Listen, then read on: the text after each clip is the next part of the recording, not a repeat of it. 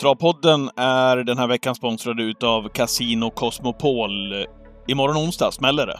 Ja, eh, det blir en travkväll på kasinot med då V86 från Solvalla och Bergsåker. Men det blir väldigt mycket mer. Det blir Champions League, det blir Real Madrid-Liverpool, det blir en pokerturnering på slutet av kvällen, det blir frågesport med första priser som är biljetter till Sverige-Belgien på Friends den 23 mars tror jag det är och en middag på kasinot 24 innan. mars. 24 mars. 24 till och med. Titta, jag kan inte ens Mm. datumen.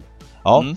Så att det blir, eh, ja men det blir en hel kväll blir det och eh, Och vilka gäster som kommer dessutom. Bara det gör ju att man vill dyka upp. Ja men det har blivit lite eh, byte på gästlistan. Hasse Backe han är klar. Vi bygger Ja. laget åt Hasse. Stigor skulle komma har tyvärr fått förhinder men in i matchminut 81 kommer nummer 11 Thomas Brolin dyker upp. Så Ja, det är bra. Att, eh, Thomas Brolin kommer och ja men det blir en hel kväll. Eh, Ja, men, men vilken kanongäst när det handlar om både fotboll och Ja trav. men verkligen. Det kommer ju vara folk som är intresserade av allt möjligt där så att jag får gissa att Brolin får ställa upp på en och annan bild. eh, Den kvällen. Nej det ska bli skitkul. Imorgon är det dags. Man behöver inte boka bord och sådär. Man kan bara droppa in. Vi kommer vara där från 18 och ja, sen kan det ju ske med att V86 börjar 20.30, 21 börjar Champions League och pokern börjar väl typ 22. Däremellan är det bra käk om man vill äta. Det är, baren är, är laddad och eh, vi ser fram emot en riktig helgkväll. Och det är många travintresserade, eller icke travintresserade Ja. som lär dy- dyka upp så man får säkert instruera lite i travets härliga värld. Och, och, och i Pokerturren om man vill vara med där, då Ja. kostar det bara 500 kronor i inköp dessutom. Precis. Och jag kommer att spela slaskigt. Det har jag utlovat. Ja, härligt. Brant struktur, vad är det för något? Ja men det innebär att eh, man pallar kanske inte sitta hela natten utan det kommer gå ganska fort. Ja, men det är bra. Eh, så, så att man liksom inte gnetar på och, och det avgörs tre på morgonen utan det ska vara att man ska sitta och snacka lite skit och så höjs nivåerna på blindsen inte för snabbt men ganska snabbt så att det ändå liksom ska vara över på ja, någon timme max liksom. Ja. 20 år gäller, alla visar legitimation och vi hänvisar också till stödlinjen.se. Vi säger stort tack till Casino Cosmopol. Ska det bli svensk seger eller vad är det frågan om? What the horse, what the driver! Varmt välkomna ska ni vara till Travpodden den här veckan som startar upp med eh, lördagens haveri när det gäller V75. För det var ju det det var. Det var många kunder som blåste på V75-konfekten och fick inte in sina system eh, på grund av det teknikstrul som ATG hade. Var det från 16-tiden och framåt ungefär, cirka? Ja, um, jag skulle börja lämna in system typ 16.04, 16.05. Då ska vi säga att det var ju omstarter tidigare på dagen så V751 var ju där och då framflyttat till 16.25. Men så fort jag skulle få in systemet så märkte jag att det inte fungerade. Och eh, ja, det var ju teknikstrul. Ja, det dröjde ju en och en halv timme då liksom men eh, från då så kallar man ändå till defilering och kör V751 20 minuter senare Eh, efter att teknikstudiet började. Alltså 16.03 började teknikstudiet och V71 gick 16.25. Det, det, det väcker väldigt mycket frågor om kundhantering, om IT-system, om eh, tappade eh, medel och pengar för travsporten som idag eftersom det är på toppen blir prispengar i princip. Eh, hanteringen av det här. Ja, för mig väcker det väldigt mycket frågor och var man ska lägga Ja. fokuset. För att jag, jag läser och ser folk som är sura på ATG och det kan man ju såklart vara. ATG har ju en historia av att ha ett, ett IT-system som har kraschat ja, men någon gång för mycket om man ser det i ett femårsperspektiv. Det måste dock sägas att det har blivit bättre sista ett året, ett och ett halvt. Men eh, jag gick in på Expressen idag och läste nyheterna. Där läste jag att Swish hade driftstörningar. Ja, Ibland precis. läser man att stora banker eh, som har plöjt ner eh, miljoner miljarder i sina IT-system har driftstörningar. Ja, men du har rätt Nas- David, för det är väl varken första eller sista gången som, som ATG kommer ha det här strulet heller. Men det handlar väl inte... Det, det kommer bli strul igen. Det kommer bli teknikstrul eh, framöver igen. Men frågan är väl, vad gör man åt saken? Det är väl det. Hur hanterar man när det väl uppstår? Jag tycker också att det borde vara fokuset. Jag fattar att man är irriterad på ATG men varje gång det är teknikstrul så uttalar sig någon från ATG och säger att de är besvikna. De hoppas att det inte ska hända igen och de förstår kunderna och så vidare. Ja, grattis men uppenbarligen så kan de ju inte påverka sin teknik och det gäller ju andra multinationella företag som heller inte kan göra det. Det verkar svårt och vi lever i en tid med cyberhot och allt vad det nu är. Så att, att lägga liksom alla ägg i den korgen det tycker jag är fel utan jag tycker att vi hoppar upp ett snäpp. Hur hanterar vi när det här händer? Mm. Hur eh, gör vi det här säkert för V75-spelare som har pluggat hela veckan och inte får in sina system. För de aktiva. Alltså, jag, nu höftar jag men det var väl säkert 15 miljoner på V75 som försvann. Säkert. Ta 30, 35% av det. Det är ju liksom eh, över 5 miljoner. Det är första priset i Elitloppet. Sen har du säkert en miljon i V71 2 3 på vinnarplats trio tvilling. Det är ytterligare nästan en miljon till. Sen har du två miljoner på V5 med 35 av det. Det är ytterligare nästan en miljon till. Så att ja, snabbt överslag 7-8 miljoner man tappar och för mig är det för mycket och för stor slakt av kundens upplevelse eh, sett till vad som faktiskt hände. Det är min känsla av Ja. det här faktiskt. V75-systemet som vi skulle ha lämnat in på våran sida. ehm, jag tror jag fick in två system av mina totalt, David. Hur många fick du in? Noll. Inte ett enda. Inte ett enda. Nej. Nej. Eh, och, Eh, och, och, och därför tänkte vi också... Eh, ja, men vi, vi, vi lägger ner oss lite grann i den här podden genom att bara lyfta på det här ehm, och se eh, lite mer vad vi kan göra. Vad känner du kring det? Ja men för att ringa till någon portugis som ska uttala sig och säga ja men vi hoppas att det här inte ska hända igen och vi eh, är ledsna för alla kunders skull och så vidare. Vi har hört den sången. Jag tror det är bättre att ATG fesar sig själv och, säger att eh, det här kommer förmodligen hända igen. Kanske inte den, den här veckan, kanske inte den här månaden, kanske nästa år eller fyra, Eller 25, förlåt. Men när det händer då måste vi ha en tydlig och inarbetad plan och för mig är ju skillnaden att det här är V751 då det hände i, i lördags. Den mest kritiska tiden. Kanske då där det är störst chans att något brakar ihop med tanke på att det är som flest inloggade då och högst aktivitet. Men då måste det också vara hängsel och livrem för att kunna ta hand om den pucken när det sker. Eh, Man måste ha ett speciellt protokoll. Jag upplever inte när jag läser intervjuer att det har varit så. Jag är nyfiken Men man på hänvisar liksom, ju till hästvälfärden här, David och det tycker jag också är ett luddigt begrepp. Vad är hästvälfärd? Jag menar hästvälfärd är ju att hästarna inte ska fara illa. När far en häst illa? Far de illa av att eh, värma upp två gånger och sen så får man värma upp en tredje, fjärde gång eh, inom loppet för att man skjuter fram det en och en halv timme. Är det farligt? Jag menar, vi har ju hur många exempel som helst eh, från eh, travbanor när hästar skenar. När det blir massa omstarter och materialfel.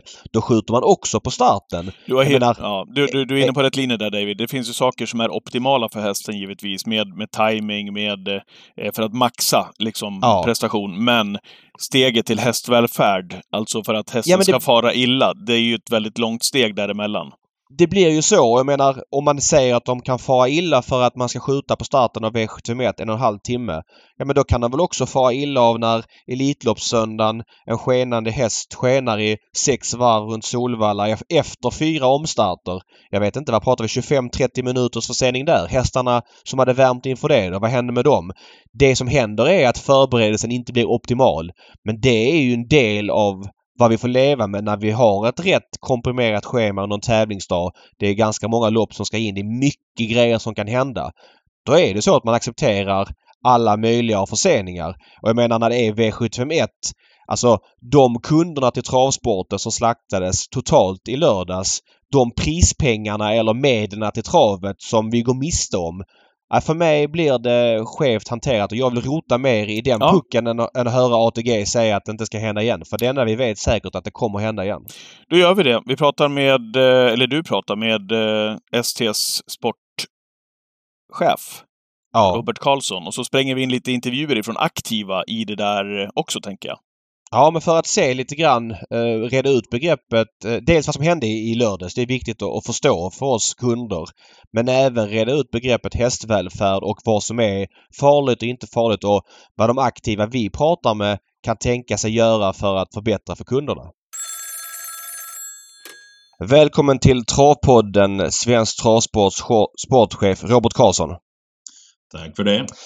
Vi hade ju lite teknikstrul här i lördags vilket ledde att eh, flera V75-spelare inte fick in sina system. Vi har hört ATGs version i media.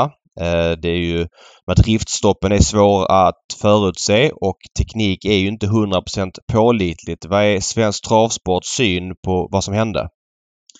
Ja, för det första så är det ju väldigt, väldigt beklagligt att, att det här inträffar. Det är klart att det är ju Dels är det ett intäktstapp och sen är det ju då många kunder som, som, som blir med, med, med rätta eh, upprörda och ledsna över det här. Va? Så att eh, det, det, det är givetvis inte bra. Men om vi tar våran hantering då från, från Svensk Travsports sida så, så har vi ju ett regelverk att följa och Eh, det har vi, det, det har vi följt. Eh, så, så, att vi ser inte att eh, vi kunde ha hanterat det här som det blev på, på något annat sätt.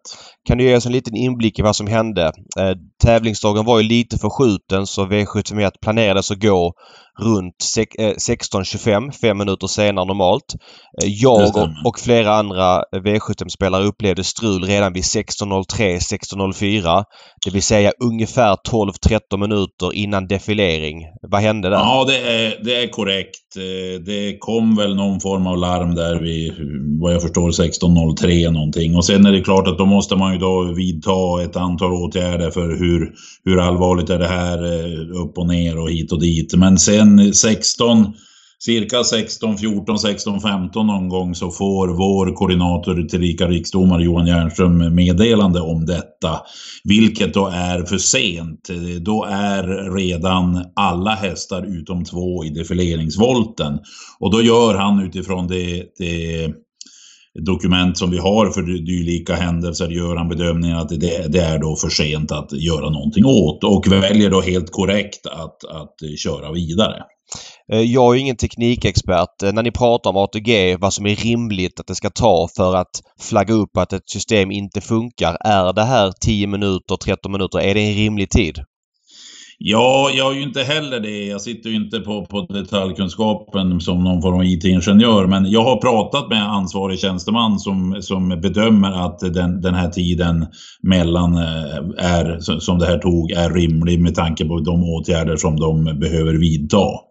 Mm. ATGs sida har haft problem eh, i ett femårsperspektiv men det har blivit lite bättre sista åren. Att hemsidor går ner, eh, det får man leva med. Vi såg senast idag Swish hade problem. Vi ser ganska ofta stora banker ha driftstörningar. Eh, ATG säger ju att det här inte får och ska hända men det händer eh, med jämna mellanrum och det händer andra stora för företag också. Är det helt rimligt att man ska ställa ett krav på ATG att det här aldrig ska kunna hända? Ja, det, det är jag väl inte egentligen mannen på att svara på, på, på kravställningen. Men, men det är klart att, att eh, det, det, inte ska hända. Det, det är väl alla överens om. Men där har liknande fall som det händer nu, det har inte hänt oss sedan nyårsafton eh, 2021. Så att Eh, visst, man kan ju tycka att det också är för tätt, men i, ibland av debatten efteråt kan man ju få för sig att, att eh, det, det händer mer eller mindre varje vecka. Så, så är ju inte fallet. Men, men det som var specifikt här också, med, med, med tanke på att vi då körde, det var ju också, förutom det här att beskedet kom väldigt sent, det var det var en mardrömstidpunkt för, för, för, oss att få veta det här, att det, hände, att det inträffade just där. Hade det inträffat tidigare, då hade vi kunnat agera på ett helt annat sätt.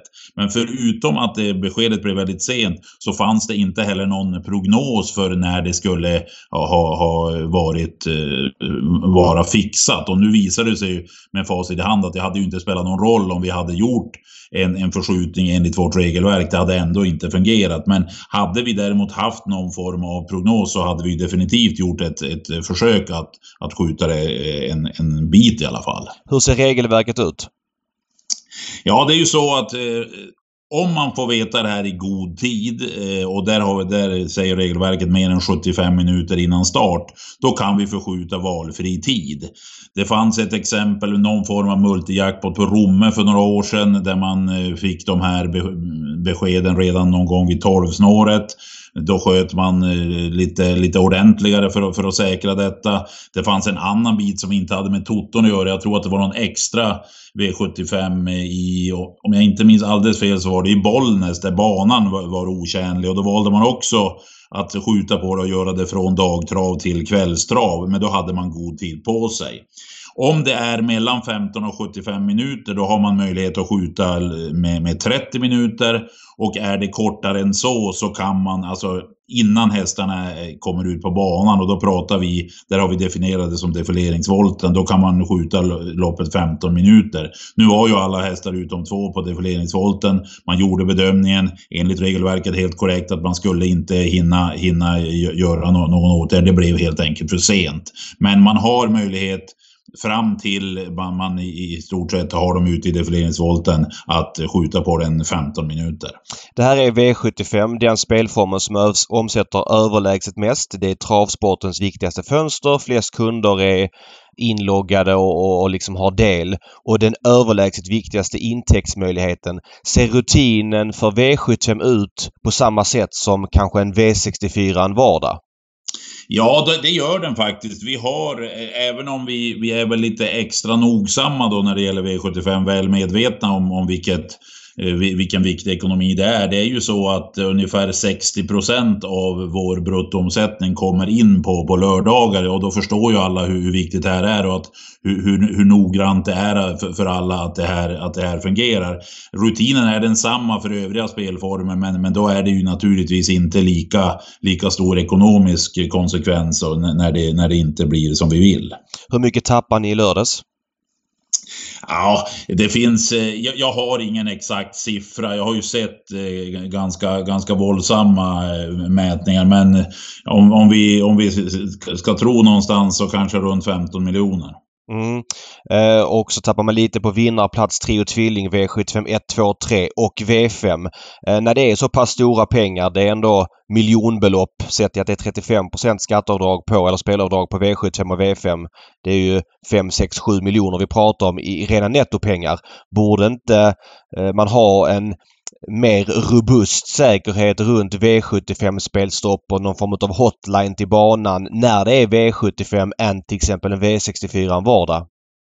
Jo, men och det, har, det, det vill jag påstå att det, det ändå finns. Det, det, det, finns ganska, ganska goda kommunikationsmöjligheter. Men, men eh, ja, det, jag vill inte utesluta att man, man behöver förstärka det här ytterligare. Det, det visar ju den, den här, här gången då. Men det, det, är lite svårt att bedöma i och med att jag inte sitter på den detalj, detaljerade kompetensen där. Om de här tio minuterna det tog från, från larmet till att vår så kallade operatör då, OEM får, får reda på detta. Om det är en rimlig tid, vilket jag har fått beskrivet att det är. Så då, då funkade det trots allt. Va? Men, men jag, förstår ju, jag förstår ju vad du är ute efter. Om det här hade kunnat snabbas på lite ytterligare så kanske vi hade haft en annan situation. Nu hade det den här gången med facit i hand inte hjälpt. Men, men en annan gång kanske det kan hjälpa. Det finns ju röster eh, och eh, ni gömmer er väl lite bakom uttrycket hästvälfärd. Eh, du säger att hästarna var i defileringsvolten och då var det för sent att blåsa av eller att inte låta defilering och lopp gå. Kan du förklara lite grann eh, vad, vad det är, vad som gäller i det, eller vad som innefattas i begreppet hästvälfärd? Ja, ju, alltså det vi har, det vi har det här eh, tillvägagångssättet, om vi kallar det så, har gällt sedan 2017. Nu, nu, det, det gjordes visserligen före min tid, men jag vet ju hur diskussionerna gick då. Och då var det ju väldigt väsentligt då från de aktiva att man kunde förbereda sina hästar på, på optimalt sätt. Det fick inte bli för, för, för sena bud och där har man ju satt då där har man ju då satt då defilering och ännu mer att man, innan man kommer ut på banan som, som gräns. Eh, ni känner igen formuleringar som Eh, när det här har varit lite i tassemarken, då har det varit så att spelet går först och det är tv som styr och man tänker bara på de bitarna. Nu har jag noterat lite grann, jag har läst i, i, i lite media här att, att eh, det finns lite möjligen förändrad syn på, på, på de här bitarna. Och är det så, så så är vi givetvis, men då måste det vara samlat. Är det så, då är vi inte främmande för att eventuellt skruva på detta. Ja, för just eh, uttrycket hästvälfärd, det ska då handla om att hästar kan komma till skada eller ja, eh, tränare inte får optimala förberedelser. Men travet är ju eh, en bransch som där yttre påverkan är ganska stor. Jag menar en häst kan bli het av eh, väldigt många anledningar. Det kan blåsa en reklamskylt, man kan köra på en pinne. Det finns massa grejer som kan hända. Eh, och tävlingsdagen förskjuts. Men när det kommer till det här läget när tiotusentals kunder inte får in sina system. Det är ett stort ekonomiskt bortfall då upplever jag det som att ja, men då helt plötsligt kan man inte skjuta det för då får hästarna illa. Men de får inte illa om en häst skenar i 3-4 varv och tävlingsdagen skjuts upp 20 minuter. Är inte effekten för hästen detsamma oavsett anledning? Jo, absolut. Men, men det, det, ena är ju, det ena är ju planerat och det andra är ju oplanerat. En viss typ av, av icke-planerade händelser kommer ju, kommer ju alltid att, att eh, inträffa. Men driftstoppet är väl inte planerat det heller? Det är en grej som, som händer och det får nej, stora nej, ekonomiska konsekvenser. Såklart, såklart, nej, men såklart driftstoppet är såklart inte planerat men, men eh, huruvida, vi, huruvida vi eh, skjuter på starten har vi ju möjlighet att styra och vi har som sagt ett regelverk för detta. Och det är möjligt att, att vi vi skulle kunna skruva på detta. Återigen, just i det här fallet, det som hände i lördags, hade vi, var, fanns det inte så mycket att göra. Men inför framtiden så, så kanske vi måste, måste se över det. Eller det, sånt här ska ju ses över kontinuerligt och det kommer vi givetvis nog göra på förekommande anledning. Eh, vi har pratat med lite travtränare. Eh, vi tog en i varje landsände i Sverige för att se hur deras perspektiv på hästvälfärd är och vad de kan tänka sig göra för att eh, skjuta på tävlingar. Välkommen till Travpodden Adrian Colgjini. Tack. Hur är läget? Allt är lugnt. Allt är lugnt. Eh, med bakgrund av förseningen på, i, på Halmstad i lördags så ringer vi runt till lite travtränare för att fråga om rutinerna inför start och hur mycket en uppskjuten start skulle påverka hästarna. Vad är din bild av att kunna förbereda en häst optimalt och när menar du att eh, man sätter hästvälfärden i spel om man skjuter på ett lopp? Nej, alltså till att börja med så värmer Eh, alla tränare värmer eh, mellan en, en, timme till en och en halv timme innan start.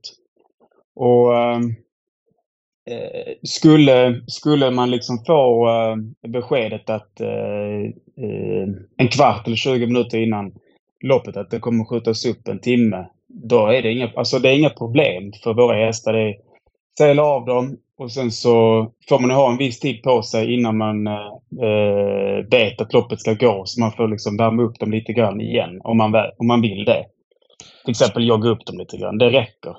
Men om du får en uppskjutning, skulle du vilja att man eh, direkt tar typ så en och en halv timme så att du vet eller eh, för att det kan ju också vara fall där man först skjuter upp 10 minuter, sen 10 minuter till, sen kanske en timme. Hur ja. är det mest optimalt för dig? Ja, men det är mycket bättre. Alltså, ska de skjuta upp det så är det bättre att de tar höjd i alla fall med, med en kvart, 20 minuter så att man kan köra loppet vid ett visst klockslag. Så man eh, kan liksom eh, anpassa sig efter det. Mm. Och, eh, alltså hästar kan ju gå två hit på en dag. Alltså de kan ju tävla i två lopp på, på samma tävlingsdag. Till och med tre. En gång på Axvalla kör de det här i sommar. Så att eh, hästarna har inga problem att vara ute ett par gånger extra och sen eh, tävla. Det är bara att det liksom... Jag, jag tycker mer att de har använt det här som en skyddsmekanism eh, för eh, eh, att de använder hästvälfärden för att de inte sköt på det. I min värld så skulle det bara skjutits upp. Eh, när du säger 15-20 minuter, när är det kritiskt då? Säg att du är i defileringsvolten. Hur mycket har du börjat preparera hästen för loppet då? Ja, alltså just det där när man har klickat på vagnen och börjat köra ut. Då är det... I min värld är det nog... Eh, då, då är det för sent alltså. Det ska vara innan man har tagit ut hästen på gången och börjat eh, lägga på vagnen. För då bör de ju pumpa upp sig ganska så mycket eh, när de får eh, kortsulken på sig. Men eh, eh de visste ju om det här bekymret redan klockan eh, strax innan 16 så då skulle, då skulle de ha ett eh, eh, en mall att följa direkt när sånt händer. Mm. Jag ska säga det att när de visste om det, det råder lite delade meningar om det när folk fick informationen. Men du menar alltså att om du är i defileringsvolten, då skulle du bli förbannad om man sköt upp tävlingarna på grund av teknikstrul? Ja, då tycker jag det är för sent i min värld. Men det är ju, jag läste att det var riksdomaren som fick reda på det en minut innan defilering. Så att där måste ju eh, något drastiskt ske med kommunikationen på Svensk Travsport ATG. För att det är ju vår stora inkomstkälla, eller vår absolut enda inkomstkälla, är ju eh, på spelet och det måste vi ju anpassa oss efter. Om vi säger så här då, du befinner dig i defileringsvolten eh, och du får reda på att man skjuter starten en timme. Eh, i ena vågskålen får du en häst som kanske riskerar att bli lite het och det är negativt. I andra vågskålen pratar vi alltså i det här fallet kanske 6, 7, 8 nettomiljoner till travet. Det är klart att de gagnar ju inte dig på ett bräde så. Men, men, men ponera det som finns i den vågskålen. Skulle man kunna plocka bort hästen från defileringsvolten, in med den i stallet och så komma ut en och en halv timme senare? Ja, alltså jag hade varit jävligt förbannad. Det ska Mm. jag inte sticka under stol med. Jag har varit riktigt förbannad. Men eh, när man har eh, tänkt en runda till så finns det egentligen inget annat eh, option. Och, och ja, som sagt, hästarna klarar av det. Så att det, är, det är mer ens egna ego som har förberett alltihopa på att det är dags nu. Men eh, det, hade inte, det hade inte varit kört att köra in igen och vänta en timme. Om du hade åkt upp till Bergsåker med två hästar och haft en i V751 och den hade varit i volten och, och få köra hem och sen studsa en och en halv timme senare. Hade du varit glad då? ja, precis. Nu snackar vi det stora igen. Ja.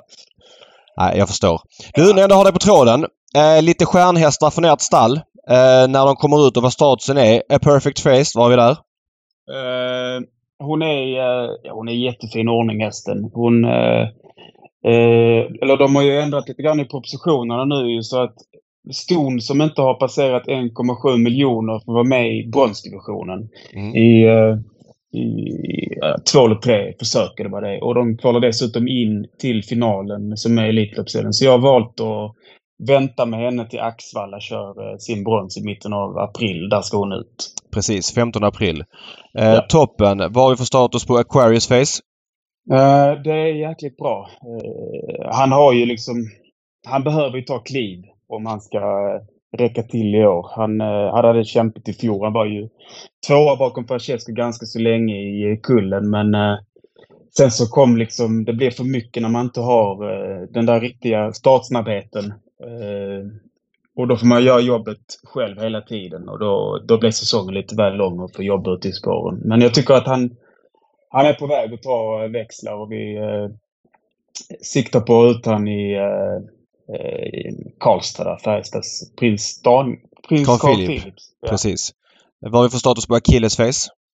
Eh, ja men likadant där. Eh, kraftigt på gång och han ska ut i uh, silverdivisionen någon gång i början av april. Jag har inte satt eh, eh, datum på det än men det kommer bli hans årsdebut i en silverdivision. Barack Face? Antingen 2 april på Jägers eller eh, 14 april på Åby. 2 april på Jägers. Är det eh, Derby Trial? Nej, de har ju tagit bort det. Ja, men det var väl bra att de gjorde det för det var alltid fem hästar med i loppet. Ja. Det ja, precis. Och vi vann alltid. Ingen annan som kom ner och det var alltid fem hästar.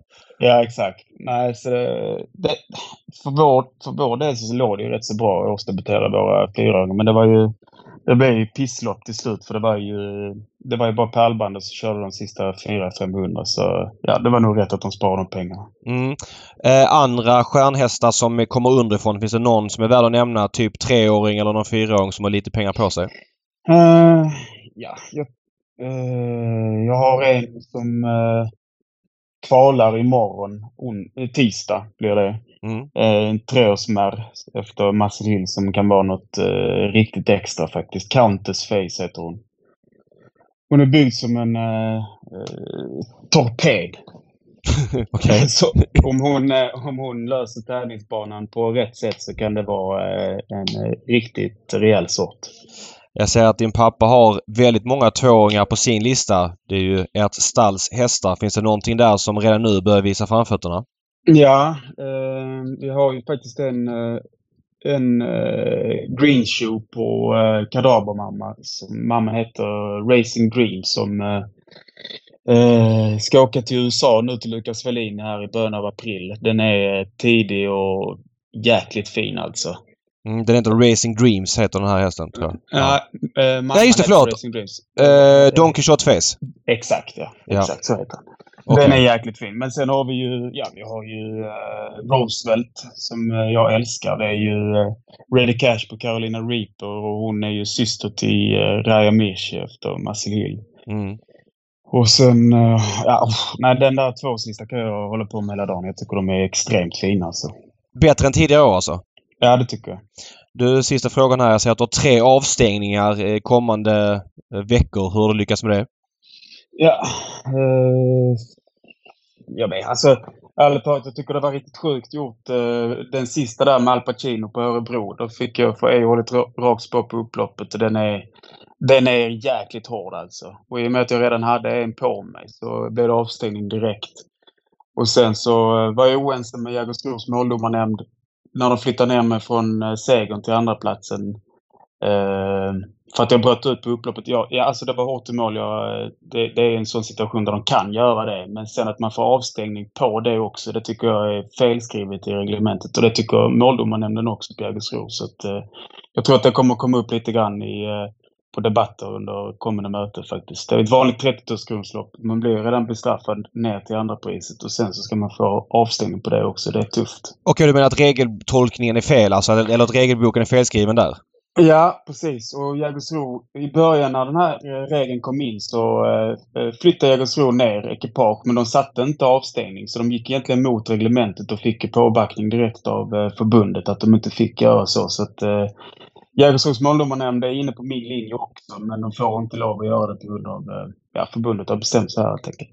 Fattar du en grej till jag kom på nu? Det känns som att det var sju år sedan Jägersro hade V75. Åh, snacka inte om det. Varför inte då?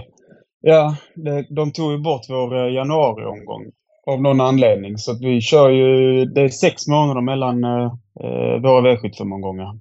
Och det är helt otroligt. Den, den banan i landet som har bästa vinterbanan eh, kör ingen, ingen omgång alls på vintern. Det är helt absurt i min värld. Ni kör alltså sista november där med uppföljningslöpningen.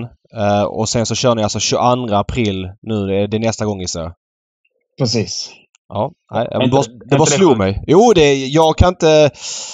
Eh, den Östersundsomgången där i januari, eh, den är ofta ihålig men jag kan inte strategin mellan att Norrlands banor ska köra men att Jägersro som alltid har en bra bana på vintern borde ju köra ofta tycker man. Men generellt sett så tycker jag ju att fler banor på Eh, på, på, vinterhalvåret borde stänga igen liksom. Eller inte vinterhalvåret, framförallt december, januari, februari. Borde bomma ja. igen. Att ha de här Färjestad, eh, Örebro, Axevalla, Romme eh, i samma region som alla kör känns jättekonstigt. Det borde kanske vara sju, åtta banor i Sverige som kör på vintern så får de snurra hela tiden liksom i, i de värsta månaderna. Så får Jägers tävla kanske lite mindre på sommaren då för att kompensera upp det. Ja, det är den linjen som borde, borde gå, man borde gå på mer faktiskt. Mm. Det blir jäkligt mycket resor för uh, oss här nere i söder just nu. Det, ja, vi har liksom uh, mycket hästar som är igång och startar i den här regionen och sen så ska vi hålla på och resa och ha oss. Uh, för vi vinner ju mycket V75-lopp också, Jägersro-tränare, men vi kör inte en enda omgång.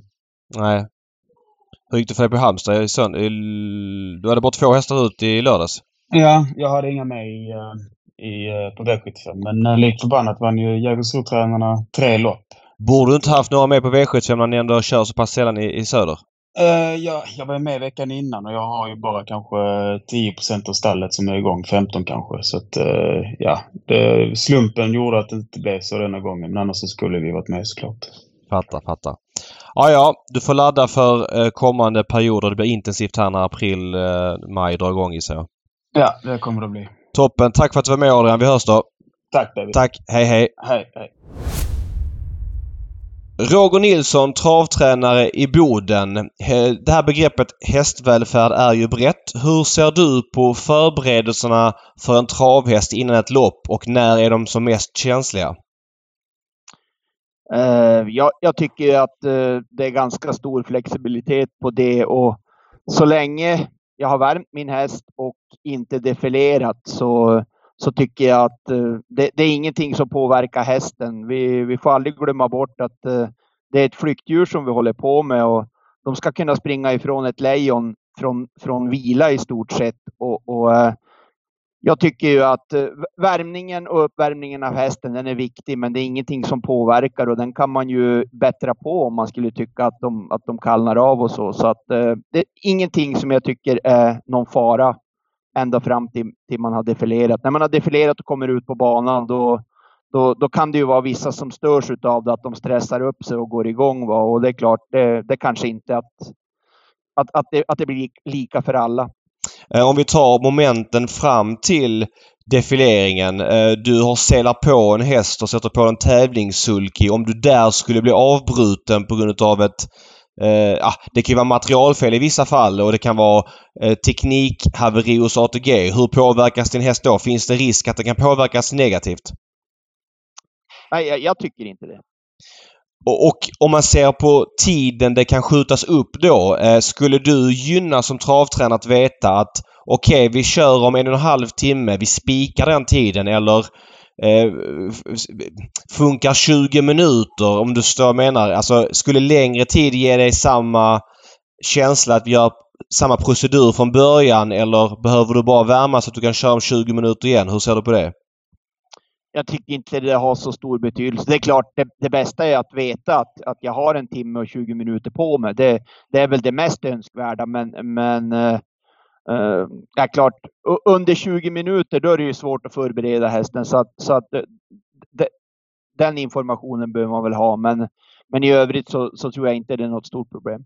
Okej, okay, så att om du är i defileringsvolten och de säger att loppet skjuts upp en timme, då tycker du det är okej. Okay. Du känner inte att dina hästar eller din erfarenhet som travtränare att hästen tar skada av det? Absolut ingen skada.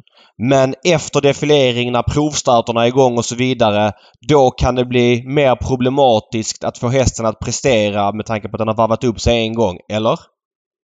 Ja, alltså vissa hästar. Det finns många hästar som klarar det också, men, men då blir det ju lite grann det här att eh, då blir det inte lika för alla när, när du har vissa som tänder på när du, när du kommer ut på banan. Och, och då är jag inte lika säker på att eh, det, det påverkar hästarna. Du som travtränare, eh, alltså spelet är ju en viktig del inom travet och står för i princip alla travets inkomster. Om du lägger in den parametern i eh, liksom förseningsaspekten. Har du förståelse och eh, kan du tänka dig att skjuta på tävlingarna för din del för att allt spel ska komma in? För i det här fallet som hände i Halmstad nu så är det ju ja, 6, 7, 8 nettomiljoner för travet som försvinner. Kan du då köpa att det kan hända någon gång då och då? Att, att kompensera spelarna för det? Att, att, få, att ge alla tid att lämna in mot att loppet skjuts på, ja, säg en timme, en och en halv? Ja, men i, i, min värld vill vi ju tävla om så mycket som möjligt och, och då måste vi ju vara beredda att, eh, att rucka lite grann på våra rutiner för att eh, ge alla chansen. Så det, jag, jag ser inget problem i det. Eh, innan jag släpper dig, din träningslista. Barolo Jean som vann på V75, var det förra året? Vad har hänt med honom? Han var sjuk i sista starten och fick ta det lite lugnt ända fram till jul. Sen så har vi tränat på riktigt, riktigt ordentligt och ja, han, han, han kommer att bli spännande i år för det har hänt väldigt mycket i, i backen i vinter på honom. Så att eh, ja, det, det börjar klia lite grann i fingrarna, men jag ska, jag ska jobba på i backen. Vi har ju fortfarande en fantastisk vinter här uppe så att jag ska, jag ska försöka hålla mig ett tag till. När tror du ungefär att vi får se honom? Men jag siktar ju på att uh, det, det, stora målet är att ha han, ha han igång till V75 i Boden. Så att uh, det, det, är ju mitt mål för i år med. Fattar. Uh, du har 27 hästar på träningslistan. Är det något annat som sticker ut som vi ska hålla ögonen på? Jag tycker väl att jag har ett, ett, ett intressantare gäng än vad jag har haft på väldigt många år. Va? Så att jag har ganska många treåringar. Det kan finnas något russin där. Eh, Barolo Jean, Bun Otis hoppas jag kan, kan ha van nosa på de, de bättre treåringarna och han har också tränat väldigt bra i vinter så att eh, jag hoppas att han, att han kan ta ett kliv. Då, då borde han kunna, kunna räcka på, på V75 eh. Toppen! Ja, men jättebra Roger. Tack så mycket och lycka till framöver. Ja, ha det gott! Tack samma. Hej! Eh, välkommen till Travpodden Östersundstränaren Per Linderoth.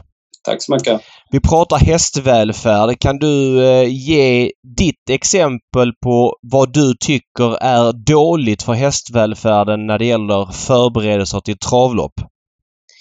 Ja, men alltså det är när det blir oplanerade stopp i, i travdagen. Det är klart att det, det är inte alls till någon fördel när man har planerat värmningar och inför vilken starttid som det är tänkt att hästen ska tävla. Va? Men sen är det ju alltid olika saker som händer en travdag som är oförutsägbara som gör att det där inte tidsschemat inte alltid håller. Så att eh, då får man ju anpassa sig lite därefter. Vad är svårast för dig? Är det att om du får reda på att okej okay, vi skjuter på ett lopp en timme. Är det svårare än att du får reda på att eh, ett lopp som skulle gå om 20 minuter, det går redan om en kvart? Ja, herregud. Hellre att jag får längre tid på mig än att man måste, måste jäkta på med hästarna för att skynda sig ut med dem för att de tidigare lägger loppet. Men det tror jag aldrig har hänt. Eh, kan du ge eh, exempel på när du upplever att en hästs förberedelser störs inför ett lopp? Eh, är det efter defilering eller efter provstart? När är det mest känsligt så att säga att bryta rutinen? Ja, men jag tycker, jag tycker att det kan bli jäktigt om man nu kör flera lopp efter varandra och, och i något fall när man har vunnit ett lopp och man ser klockan räkna ner till defilering och till nästa lopp som man ska vara med i och de hinner defilera och själv är man på stallbacken och ska hämta nästa häst och man kommer ut på banan och det bara är tre minuter kvar till, till, till loppet ska gå. Då tycker inte jag det är rättvist att förbereda den hästen. Men är det bara så att man har tid att göra de där två provstarterna som, eh, som mer är vanliga att man gör, då, då upplever jag det som att eh, hästarna är redo. Eh, om, om, vi tar lite Halmstads-exemplet där. Du befinner dig i eh, defileringsvolten. Du har inte defilerat än och eh, måldomaren säger att du får köra tillbaks till stallet för att loppet skjuts på en timme. Eh, hur tror du en Eh, en travhäst, nu är travhästar olika, det vet vi om, men generellt sett, hur påverkas en travhäst av det? Ja, men det är ju som du säger att det är individanpassat. Sen eh, bara man vet vilken starttid eh, som gäller så kan man ju ja, åka ut och jobba några varv på slingan innan man får in i defileringsvolten till exempel. Men då är det ju också det där om man tagit av skorna, har man fötter för att tåla det och så vidare. Va? Men eh, är det bara så att man vet vilken starttid som gäller så hinner man ju ändå förbereda hästarna tycker jag på jogga lite extra innan, innan man åker in i defileringsvolten alternativt att man har de där två rejäla provstarterna. Så gott om tid är lite ledordet. Att du får tydliga besked att om en timme eller en och en halv då är det dags igen och då känner du att du får samma rättvisa chans att förbereda en häst. Ja men absolut. Eh, ta hellre det 99 gånger av 100 än, än det här jäkten som blir när när de ska köra igen tid mellan loppen på grund av att olika incidenter som har hänt under travdagen. För det, det tror jag det är många aktiva som stör sig på när det blir, när det blir väldigt stressigt. Eh, när de kallar på defilering i stort sett innan de åkte av banan i föregående lopp. Och, ibland så är, ska det ju värmas hästar mellan loppen också. Det, det, det tror jag är ganska stort irritationsmoment. Fattar. Du, när jag ändå har dig på tråden. Jag har för mig att jag läste här för ett tag sedan att du snackade om att flytta ner till Valla och bli catchdriver och så vidare. Vad hände med det?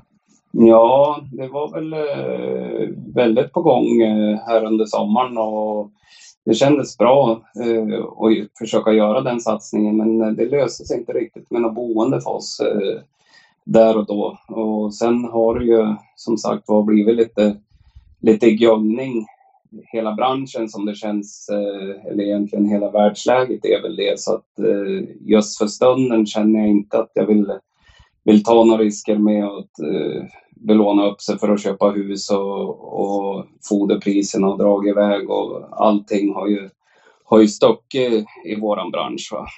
prismässigt. Så att just nu så ligger vi lite lågt men jag har inte, inte stängt dörren helt, men man kan väl säga att det är lite pausat. Men jag var, var i alla fall väldigt, väldigt taggad här i, i somras på, på att göra flytten. Men det har förändrats lite grann nu då med omständigheterna. Okej, okay, så för du har 16 hästar på listan nu, men då skulle du, din sambo träna de hästarna ni har kvar och du skulle catchdriva då i, i Stockholmsregionen, eller med Stockholmsregionen som utgångspunkt? Ja, planen var ju så. Vi, hade, vi tog ner oss till tio hästar och var redo att trycka på startknappen. Eh, så, men i och med att det inte, inte blev så då, så har vi, har vi fyllt upp lite mer nu då i, i stallet. Så att eh, tills vidare så kommer vi fortsätta så här så får vi se vad, det, vad som händer och sker framöver. Men eh, som sagt var, just i nuläget är det, är det pausat. Du, jag noterar på din träningslista att du har fått in Invincible Sun från Stall Courant på din träningslista som eh, jag vet såldes för miljonbelopp på eh, det var väl Venngarn-auktionen där för fyra år sedan som Adrian har tränat här sista åren. Hur, eh, hur, hur tränar den hästen? Ja, men det känns faktiskt ganska bra med honom, det tycker jag. Eh, han kom i... Eh, vi började köra den första december, han kom i slutet på oktober. Han var nyopererad i knäna då, så att eh, vi har kört på ganska friskt här tycker jag. Och, eh, ja, den här veckan ska han gå ett banjobb för tilltänkt start. Han ska gå banjobb eh, nu och sen ska vi göra en veterinärkoll med honom och sen eh, hoppas jag att han ska vara redo för att sätta igång. Jag säger att han aldrig gått barfota och så vidare så det finns lite växlar kvar på honom. Han står ju ganska... Han, han är bara i klass 2 på V75. Okej, okay, jag visste inte att han, eh, att han inte hade gått barfota men Ja, Colginis är inte så glada att köra barfota så tidigt så att den växeln sparar de till dig. ja, det känns ju som en ultratravare så jag kan inte tänka mig att det ska vara något bekymmer för honom att springa utan skor i alla fall. Nej, jag fattar. Ja, ja, spännande häst. Ja, men jättebra Per. Tack för din åsikt och lycka till framöver. Ja, tack detsamma. Toppen. Tack, tack. Ja, hej. hej, hej.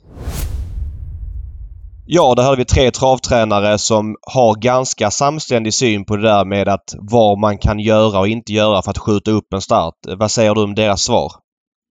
Jo, men eh, det jag hör här är ju en, en eh, liten skillnad mot, mot eh, det, det vi har, har titt, eller hört tidigare. Det, de är betydligt öppnare nu kan det ju vara lite grann på, ja, lite grann med facit i hand om man har, har, det har förlorats omsättningspengar och så vidare. Det kan ju vara mot den bakgrunden man uttalar sig. Men, men jag vill nog påstå att det här är eh, lite, eller kanske rätt mycket skillnad mot, mot det vi har hört tidigare. Och skulle det här vara, vara majoritetsuppfattningen brett, då, då finns det ju i så fall säkert eh, möjlighet att eh, göra öppningar.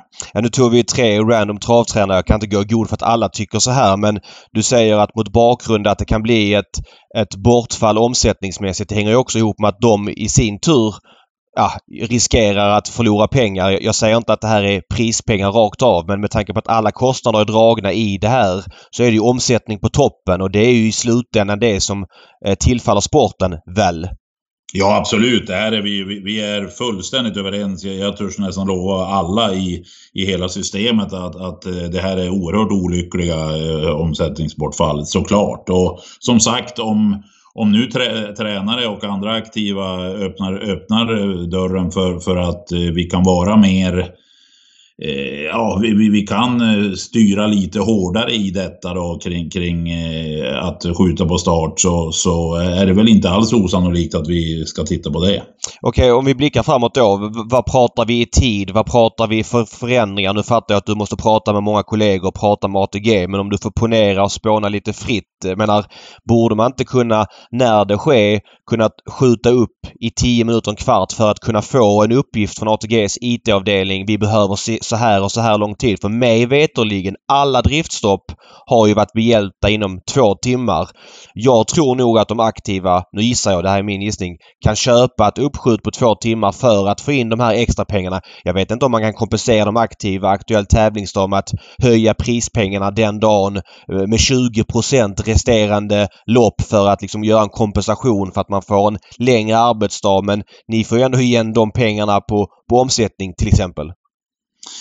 Ja, exakt vad, vi, exakt vad, vi, vad vi ska göra, det är ju alldeles för tidigt att säga. Jag tror ju att eh, eh regelverket är ganska, eh, eh är nog väl fungerande vad gäller eh, längre, när vi, får, när vi får veta det i tid, vilket vi ju ofta får. Utan det vi i så fall behöver skruva på är ju när vi får den här typen av, av sena besked. Det, det är, ju, det är ju där någonstans vi, vi måste i så fall skruva på, på, på regelverket. Vi, vi har ju lagt fast ganska tydligt hur mycket vi kan skjuta på. Det är möjligt att, nu spekulerar jag, låt mig säga det, det, det här är spekulationer, men möjligen att man kan vara lite mer flexibel på hur mycket man, man, man ska kunna skjuta på. Men det bygger ju också rätt mycket på att vi har en prognos för, för avhjälpande av, av problemen. Och vad jag förstår så är, den, är ju de prognoserna inte alldeles lätta att ge.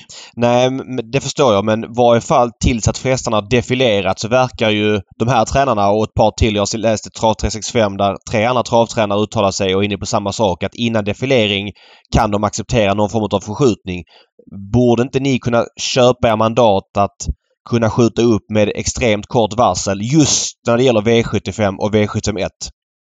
Ja, alltså den, den, eh, den absoluta gränsen tror i alla fall jag, och när jag lyssnar med, med, med aktiva här, så är det ju när de har kommit in på banan, alltså börjat med, med defilering och provstarter och så vidare. Då, då går det ju inte att göra. Men det är möjligt att det går att skjuta på så att man, man skulle kunna skjuta på det ändå. Nu, nu hade, återigen, det hade inte hjälpt den här gången ändå eftersom man hann inte få stopp på det innan de kom, kom ut på banan. Men möjligen att man i en framtid skulle ha, kunna ha det som gräns.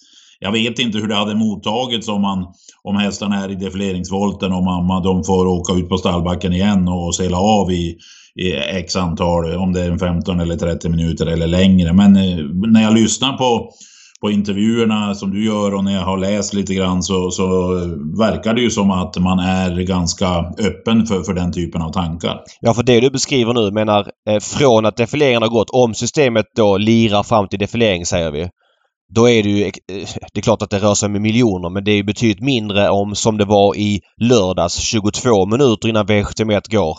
Där är det som högst tryck. Jag menar den hotlinen måste kunna vara... Det, alltså man måste kunna kapa tid där för Ja, travsportens absolut. skull. Det, det, det är ju den, det är ju den jag, jag inte riktigt vet hur, hur, mycket, hur mycket det går att kapa. Och återigen, det här var extremt olämplig, ti- olämplig tidpunkt det, det, det här gick ner. Så, så, så var det ju naturligtvis. Om det hade om eh, spelet hade, hade fungerat fram till och med defilering säger vi, då är det precis som du säger, då hade ju intäktsbortfallet blivit, blivit betydligt lägre. Så, så, så är det ju naturligtvis. Och Ja, jag menar, vi vill ju att eh, göra saker som är så bra som möjligt eh, för, för, för alla i systemet och eh, vi verkar ju av dina intervjuer att döma i alla fall och även en del annat jag har läst vara lite mer, ska vi säga, toleranta mot den här typen av, av sena ändringar än vad man kanske var tidigare. Så att eh, vi får väl vi får ta det vidare och se vad, vad vi kan landa i. Ja men framförallt att man har en skillnad på V75 och V751 och kanske V64 var där. Jag kommer ihåg för 15 år sedan när man stod i en totolucka på banan. Då kunde man ofta höra inför dagens dubbel. Eh, Det är högt tryck i luckorna. Vi skjuter på starten två minuter eller något liknande. Den typen av grejer hör man ju aldrig längre. Men jag menar Eh, just att ha skillnad på V75 när det är så pass mycket pengar och V64. Där borde finnas en differens i så att säga säkerhetslinor. Ja, och det, det, det gör det ju också även om, även om reglementet ser likadant ut. Men vi vet ju om, vi vet ju om hur oerhört viktigt, viktiga lördagarna är. Men det, jag ska inte, det här är ju ATG kommer ju göra sin hemläxa här de, de här dagarna nu och för att se vad det här berodde på. Det vet jag inte heller och hur vi då eventuellt kan, kan förstärka de här, ja, du kallar det för hotline, förstärka den här kommunikationen ytterligare för att, för att säkerställa detta. För en sak är säker, det som hände, det vill ingen ska hända. Absolut ingen. Men risken är väl uppenbar att ATGs IT-system liksom andra stora företag eller myndigheters IT-system är känsligt och det här kan eller kommer förmodligen hända igen. Sen om det händer om ett halvår, en vecka, två år och så vidare, det vet vi inte. Men så här funkar det med teknik och det gäller väl att ha en plan B för det. Ja, så är det ju. Och nu, nu med tanke på hur det ser ut i omvärlden med, med, med krig i Ukraina och en massa, en, en massa filurer som, som eh, utför både det ena och det andra i, i, på IT-sidan så, så är ju eh, Eh, det är ju en betydligt eh, stökigare och bökigare miljö här nu så att eh, vi kan nog räkna med att det här kommer att inträffa då och då med ojämna mellanrum och därför så bör vi ju bör vi ju säkra upp det här så långt vi kan. Sen kan du ju, det vet ju både du och jag, ingen kan ju garantera, garantera någonting utan det handlar ju också om att göra bedömningar i enskilda fall. Men alldeles uppenbart så, så, så finns det saker som vi kan justera. Det, det tror jag vi kan vara överens om. Jättebra Robert. Tack så mycket för att du eh, gästade Travpodden med tydliga och rakryggade svar. Tack så du ha! Ja, men då har vi väl landat in det här för den här gången, känns det som. Och det känns ju också som att man eh, såklart tar det på allvar. Det är väl ett och annat möte i Hästsportens hus om det här men, men jag hoppas på verkligen en, en förbättring. Det måste gå att lösa att man kan skjuta på starten utan att det krävs liksom ja men kirurgprecision i, i, i att veta när ett IT-system inte ska funka och inte utan så får man då kompensera. Det tyckte jag var nog ett, var mitt egna förslag men, men säg då till de aktiva vi skjuter på starten två timmar. Jag menar jag vet inte när ett IT-system inte har varit igång inom två timmar inom travet, eller i alla fall ATGs. Säg då till de aktiva, ni får 20% högre prispengar, eh, alltså alla, i, i resterande lopp av tävlingsdagen. Ja. Eh, det borde vara rimligt. Det, det kostar väl inte så mycket. Det är ett par hundratusen jag menar och det rör sig om flera miljoner för travet. Så att eh, det tycker jag är en schysst kompensation till de aktiva att säga det. Eller 30% det vet jag inte. Nu höftar jag. Eh, och så hoppas jag verkligen att kunderna inte slaktas på det här sättet som det blev i, i lördags. Nej, verkligen. Du förresten, ja. hur, har det, har det gått för dig med V751 om du har fått in systemen? Det, var, den grejen har vi inte vidrört. Nej, det var precis det jag skulle fråga. Hur hade det gått? Hade du överlevt in i mini mini mode då? Eller sparade ja, du pengar i lördags? Nej, jag sparade pengar. Jag hade inte ännu på en lapp. Det kan Nej, jag säga. Okay. Ärligt. Men Nej. det hör ju inte till saken till. Alltså, nej, såklart inte. sekundärt men eh, mm. nej, det gör ju såklart att ilskan där och då dämpas ganska snabbt. Ilskan, uh, övertog den även eh, underhållningen? Alltså du vill inte sitta kvar och titta på det? Jag såg faktiskt, det är faktiskt första gången på flera år jag inte ser V75-tävlingarna. Jag... Eh, ja, du sket i det? Ja, en middag inplanerad, hade inga system inlämnade, kunde inte logga in på sidan och kunde inte se loppen i mobilen så jag bara struntade i det och gick ut och det kändes surrealistiskt att inte veta hur det gått. Framförallt gulddivisionen som jag ville se. Och så fick jag då reda på det via att någon skrev, någon kompis skrev till mig om det där och så vidare. Så att eh, ja, så blev det totalt sett för mig i, i lördags. Har du sett gulddivisionen i efterhand då? Ja, jag har faktiskt inte sett alla lopp. Jag har sett guld såklart och jag har sett eh, ett, två lopp till. Såg du Fleming Show då? Jag sa ju det i twitchen att han hade någonting på G där eh, inför den där helgen. Han låg ju väldigt lågt med Aerosolar innan. Uh, och Matteus tryckte till och med på det i sändningen att Fleming låg lågt. Och han körde passivt också ska sägas. Jäklar vilken avslutning! Ja men så blev det ju. Eh, körde passivt, fick ett perfekt lopp och bara städade av dem. Ja, och då ska vi inte, då ska vi inte prata om vad Ini Mini Mini Mo gjorde, som, som vred på i långsamt tempo och tänkte okej, okay, nu blev han kvar där ute. Eh, och att hon får komma tillbaka en annan gång. Men trots det så gick, som, gick hon bara undan mot med rätt skapliga hästar ändå i det där loppet. Så att det var en, det var en ruggig femplussare av Ini ja. Mini Mini Mo. Och där snackar man om avel nu. Jag vet inte, känns inte det väl aggressivt? Hon är väl bara, gissar jag, sju år va? Kanske. Uh, så det känns uh, lite tidigt i, i, i min bok. Ja, i alla fall när man fick den här prestationen. Så, precis. Precis. Så då kanske att, de kör en, en säsong till med, med henne. För det där som hon visade upp nu, det, det kommer ju duga. Vi vet ju att hon är bra, vilket hon har visat tidigare också när hon är på topp. Men det som hon gjorde i lördags har vi väl inte sett tidigare. Nej, så är det. Och för åttonde gången i rad, vad hände då? åttonde gången i rad. Vadå ja. med... Så vann vår poddgäst på V75. Nej, är det sant? Ja, det gjorde han. Per ja. Nordström. Ja. Eh, är det åttonde gången i rad per... nu? Ja, det är ja och gästen har vunnit åtta gånger i rad. Det borde man ju fattat att han skulle vinna med den just därför. ja, vad tyckte du om prestationen då? Ja, men vad tyckte jag om prestationen? Får jag börja? Ja, du får börja. Jag tyckte att han, eh, som vi, eller jag, du höll ju med också i twitchen. Det var ju snack om spetsstriden. Det var ja. ju du, du och jag, vi tog ju klar ställning i alla fall. Det kanske var fler som gjorde också. Givetvis, men det var ju mycket snack om om man skulle ta sig förbi Verry Kronos. Vi var ju tämligen övertygade om att, eh, att han skulle avgöra den spetsstriden på tre steg. Det gjorde han också. Det gillade jag, liksom eh, hur han såg ut. Och precis som Per var inne på i intervjun i, i vår podd förra veckan också, att han kan, kan ladda med honom, plocka upp honom, köra honom med två fingrar och sen Eh, varva på 14 väl, tror jag att han gjorde.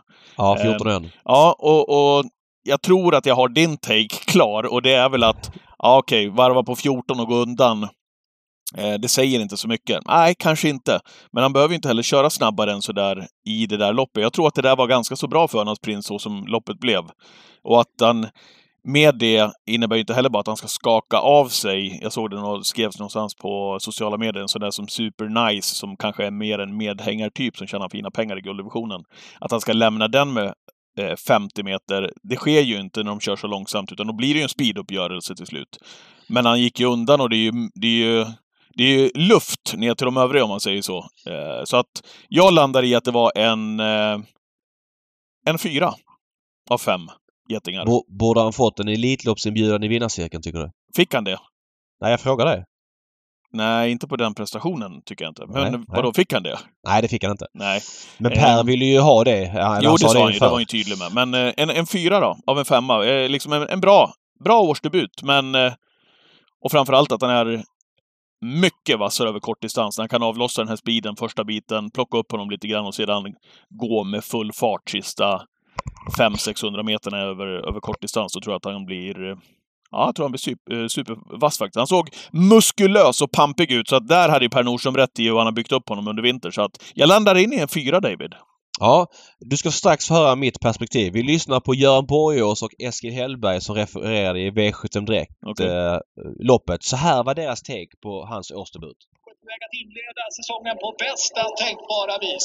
Nilsson snett i steget från nummer 6 Önas Prins som har längre till godo eh, på 4 Super Nice och han vinner årsdebuten han gör det på ett mer smakande sätt. Vilken insats! Eh, Han vinner i joggande stil sista rundan 1.10. Undrar hur bra säsong den här hästen kommer få. Ja, Okej. Ja, du, nu vet jag vad du ska säga tror jag. Att, att de, de tar till med överord men man, man kan ju- en, en årsdebut, kan, man kan ju vara neutral inför en årsdebut. Eh, jag tycker ju att så här när man sitter och refererar ett lopp, då är det där och då. Det är svårt att smälta alla intryck direkt. Vi har ju haft chansen att se loppet flera gånger. Eh, så här, han var ju bra förberedd. Per Nordström har ju varit tydlig med att han var bättre förberedd än tidigare och då, då ska han ju inte behöva något lopp i kroppen. Han kommer enkelt till ledningen. Det är bra att han är startsnabb. Han varvar på, på 14 och 1. Eh, jag menar, ja, det, det, då ska han ju bara vinna. Ja, exakt. 14 är ju vad det är i Ja, det är klassen. väl det. Men han lämnar dem. Uh, utom Super Nice som hänger på.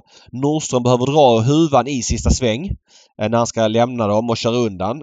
Det är ju inget plus att han behöver göra det. Sen om han hade vunnit ändå, det är väl sannolikt att han har gjort det. Men det kanske var en säkerhetsgrej. Jag vet inte. Eh, jag tycker att ja, men jag är neutral för hans årsdebut. Han visar ju ingenting han inte har visat tidigare. Det var ju inte så att eh, han- liksom gick tider eller prestationer som han inte gjort tidigare. Samtidigt ska han ju inte göra det en årsdebut. Han ska bara se till att vara bra. Jag tyckte kanske att eh, Borgås och Eskil i referatet är väl positiva.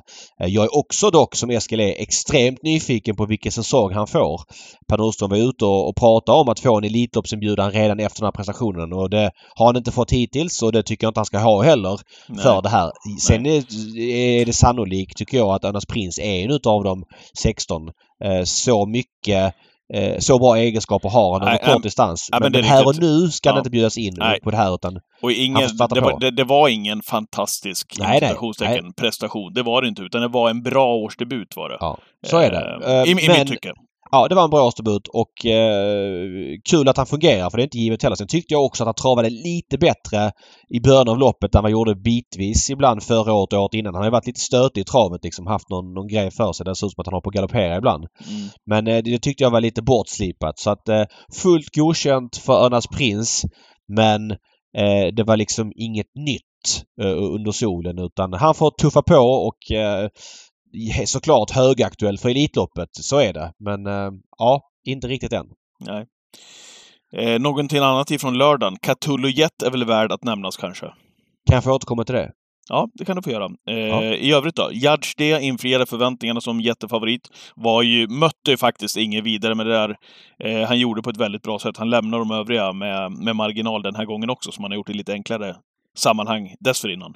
Ja, jag har inte sett det loppet än faktiskt. Nej. Så här. Nej, så jag jag, jag får se han ikapp mycket dem. enkelt. Ja. Ja, längre fram. Eh, och snyggt också av Thomas Urberg som eh, har satt den här Marabou Brodda. Snacka om utveckling på henne. Eh, Ja. Som vann från bricka 12 mot Hingstad och Wallacker.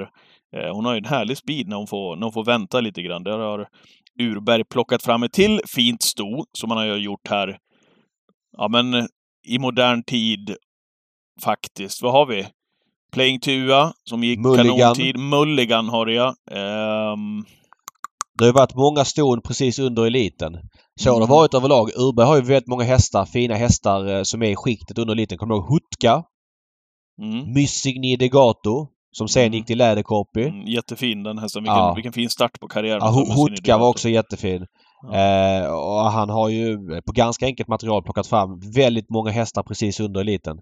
Mm. Och det här är ytterligare en då i Marabou Brodda. Hon dyker väl upp i storeliten ganska snart. Hoppet känns ju inte så stort från ehm, där hon är nu till storeliten. Det är snarlika prestationer i känslan. Med tanke på storeliten ser ut i, i lördags i alla fall. Bortsett då in i Mm. Manemo som var jättebra. Han hade en av mina favorithästar på 90-talet, Thomas Urberg. Kommer du ihåg Excellence X? Ja, det var före min tid men jag, vi pratat om den ganska mycket på slutet här nu när vi pratar startsnabba ja, hästar. ja, precis. Eh, vi pratar Pion och vi pratar Excellence X och vi pratar Ryan Trott och vi pratar Sarah Dynamite och flera andra. Men många som hade var inne i travet tidigt 90-tal nämner ju alltid Excellence X som en bilföljare. Let Me Fly. Ja, Ja, det är före min tid. ja det är det. Mm. Eh, det får bli en annan podd. Eh, ja, Ska vi, ska vi också ta en sväng kring kriterium de vitesse? Eh, Vivid Wise Ass vann grupp 1-lopp igen. Och det känns ju som att han är expert på att vinna kriterium de vitesse. Vilken gång i ordningen var det här egentligen? Det, ja, det är faktiskt bara tredje Aha, gången. det känns som att han vunnit fler. Ja, det känns verkligen som att han vunnit eh, flera gånger. Eh, och han vann på 1.09,1. Eh, han gjorde det via en bra avslutning före Emerald Dubé och Gently de Mus. Eh, och där satt ju Go On Boy fast med, med krafter kvar. Jag tror han var fyra mål Go On Boy. Det vet jag att Malmö har haft på radarn. Och, ja, nu är det väl ingen merit att sitta fast men sett till, sett till att Go On Boy har varit på radarn något år och är tränad av Romain Derieux som vann Elitloppet 2019 med Dijon. Så tror jag att Go On Boy ligger bra till för att få en inbjudan. Och det gör ju såklart Vivid Weiss Ass också. Han har varit med i Elitloppet tre gånger. En, gal en gång galopp bak, från spår 1 bakom bilen när Björn Goop tränade och körde. Sen var han tvåa 2021 bakom eh, Don Fanucci Zet och i fjol var han väl femma var han väl eller var han sexa? Eh, ja, Mathieu Brevard körde väldigt offensivt med honom. Eh, så att han är, ja, han är en elithäst. Det är klart att, att vi har sett honom tre gånger tar bort lite av nyhetens behag. Men eh, hittar man 16 som är bättre på den distansen och att han är italiensk eh, tränad och allt vad det innebär så, så, så säger jag bara grattis. Eh, jag tror att han eh, dyker upp. Han var... Fyra var han i Elitloppet förra året ska ja. sägas. På 1.09,7. Mm. Ska vi släppa, ska vi släppa sporten där? Ja men vi gör väl det. Mm. Uh, och säger väl att vi, drar, vi kör Twitch inför Momarken mm. på lördag 13.00. Uh, oh. Ingen, ingen V75-genomgång. Ja, du är inte förtjust i Momarken? Men fy fan vad hemskt. Ja, jag tycker att det har någonting. Jag, jag, jag, tyckte också som du för tio år sedan. Men nu när man fick in de här klassloppen på V75 med att det är liksom svenska klasslopp och att de här kvalar in till finalerna under Elitloppshelgen. Så tycker jag det är en helt annan grej. Och Momarken med sitt långa upplopp och snäva kurvor. Ja, för mig har det blivit en, en given höjdpunkt på, på våren. Jag tycker det är kul faktiskt. Fan, det, det, är starkt ändå att hitta ljusglimtarna i det där. Det är bra gjort ah, att jag göra det. Det, det, det, det är snäva kurvor och ja, det är inte, inte varje vecka. Men, skickliga banmästare. Ja, men, men, inte varje vecka men någon gång som att det bryter av. För sen har det finaler på Valla nästa vecka. Då är vi igång med Elitloppsmeetinget eh, nu till finalen som går i Elitloppshelgen. Så att det går fort trots att det är snöslask utanför fönstret. Skit i att det är eh, Momarken. Jobbet ska göras innan Twitchen på lördag i alla fall. Ja, ja, det, men så är det. Och det, mm. vi kommer hitta något guldkorn där också. Verkligen. Att, eh, vi skippar en genomgång i det här programmet med tanke på att vi har haft så mycket annat. Så återkommer vi i Twitchen 13.00 på lördag.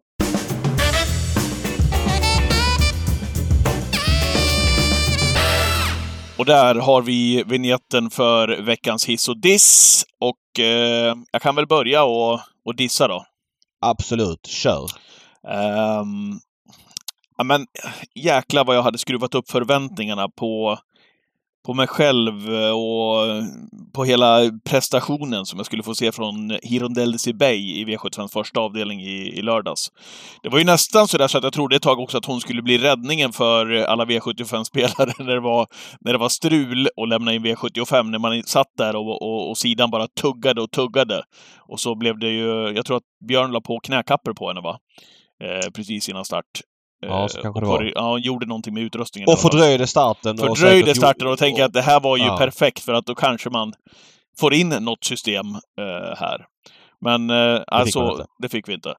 Eh, men jag hade skruvat upp eh, förväntningarna på den, för jag tycker det är en så otroligt fin häst. Björn Goop har inte haft henne länge i träningen, men hon eh, fick ju också bestämma precis som hon, som hon ville i det där loppet. Men ändå, jag tror inte att hon blev bättre än femma innan det var klart. Jag blev, jag blev besviken på hennes prestation.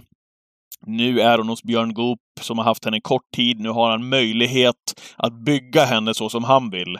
Och spännande att se henne framöver här. Eh, för jag tror att, eller vi vet ju att det är en ruggig polle det här. Kommer du ihåg de var två bakom Calgary Games? Sl slog ändå hela Prix d'Amérique-eliten bortsett Horsey Dream ja. var det näst senast. Mm. Regelrätt på Vincennes och nu så packar han ihop från spets i ett billigt storelitlopp på på Halmstad. Vi ska ja, det var synd att se tycker jag. För att jag, ja. ja. men jag tänkte att hon flyttar fram sina positioner här inför våren och det gör hon. storloppen här. Tänkte att hon, ja hon kommer göra det med loppet i kroppen givetvis. Men jag, men jag, att... jag, jag, tror hon ska betäckas här i vår. Det är därför hon är i Sverige. Ja, är det, att, det är eh, därför ja. Och, det är möjligt men... att vi inte ser henne så länge men Startar några eh, gånger till i alla fall. Björn låg ju ändå halvlågt på förhand. Alltså han menar mm. på att... Uh, ah, hon har inte men, varit så Han var nog besviken efter starten ändå tror jag. Jo men just att hon ska betäckas kanske gör att man stressar lite med henne också. Att man får starta på här nu några gånger och sen får hon betäckas. Så att hade det varit en, en ung häst kanske man hade väntat till sommaren och, och kört lite mer eller, eller våren för att liksom veta att formen sitter där. Men eh, nej, det var en besvikelse såklart. Fick ju bestämma i spets och bara packa ihop fullständigt. Och det saknas mycket så att eh, vi får se när hon kommer tillbaks. Ja. ja men hoppas hon kommer tillbaka inom kort, att Björn hinner få vässa till så som han vill ha henne, för då, då är hon en attraktion på våra banor här uppe. Det tror jag Så i alla fall. Då Så spelar det. ingen roll, då får de heta Eeny, Meeny, Miny, Mo och allt vad de heter eh, framöver. Ja. Okej, eh, David. Vad eh, hissar du? Det var ju rejält drag på en häst i lördags på V75. Ett Catulo Jet i V75 6 och Uh, blev favorit på... Nej det blev det inte. Det blev faktiskt eh, uh, El Jetpack. Det blev andrahandare i V75 6 då och det var en svårbedömd häst uh, som uh, gjorde debut på, på svensk mark. Men wow säger jag bara. 10 på varvet. Visserligen blev segertiden då sett till att det gick 10 på varvet Uh, halv okejiga 1.14,5 över 2,6.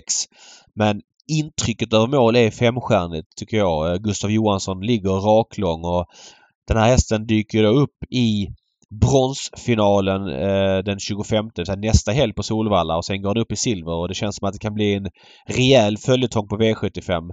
Häftig häst som bara gick ut och funkade jättebra över 2,6. Det är inte givet att alla italienare gör det. De har ju mer sprinterlopp där nere men Mm. den här har ju Mahadadja som pappa så den har väl ärvt, lite- ärvt lite styrka därifrån. Totalt sett eh, jättepositiv årsdebut i Sverige. Eller positiv debut i Sverige ska jag säga. Den har startat tidigare i Italien. Men ja, ah, häftig häst. Jag blir jätteglad av att se att den här funkar så bra och eh, vi kommer få eh, följa honom noga framöver. Mm. Ja, bra hiss. Ja. Där, eh, där har vi veckans podd Matig den här veckan. Ja, så blev Mm. det. Eh, men det fanns viktiga ämnen att ta hem för Verkligen. travsportens skull så att Ja. vi, vi, vi gick på det spåret. Och sen på- kan jag säga så här, om det är någon tränare som tycker att, ja men, det, återigen det här med att liksom, så länge inte defileringen har gått kan man kalla tillbaks dem. Mm. Det är inte säkert att alla tycker det. Man får gärna höra av sig till Travpodden om man Ja, vill man uttala göra. sig i frågan och, och säga att, eh, ge en annan syn på det där liksom. Mm. Eh, så får vi se lite grann. Jag också, precis som, lite som Karlsson sa, känslan av att det här har blivit kanske lite trend i det här nu helt plötsligt då att alla tycker så. För jag har också hört det här snacket tidigare om att TV ska styra och omsättningen ska styra och sådär och att det är viktigt att de är aktiva för förberedelserna. Men just när det handlar om V71 så är det separat. Så nej, den debatten lär fortsätta på någon vänster. Har du dragit på dig en förkylning också? Det har jag gjort. Under poddens gång eller? Du startade ja, en pigg, faktiskt. Det kändes så. Faktiskt. faktiskt. Eh, Du, du har helt rätt. Jag blir täppt här. Ja, Ja. ja. Ja. Ja, ja, men eh, bra David, du får ladda om till lördagen. Eh, Vi Ja. hörs på Twitchen och om inte annat nästa vecka igen i Travpodden. Tack så jättemycket för att ni lyssnar på oss, så hörs vi igen nästa vecka. Ha det gott. Hej, hej. Hej.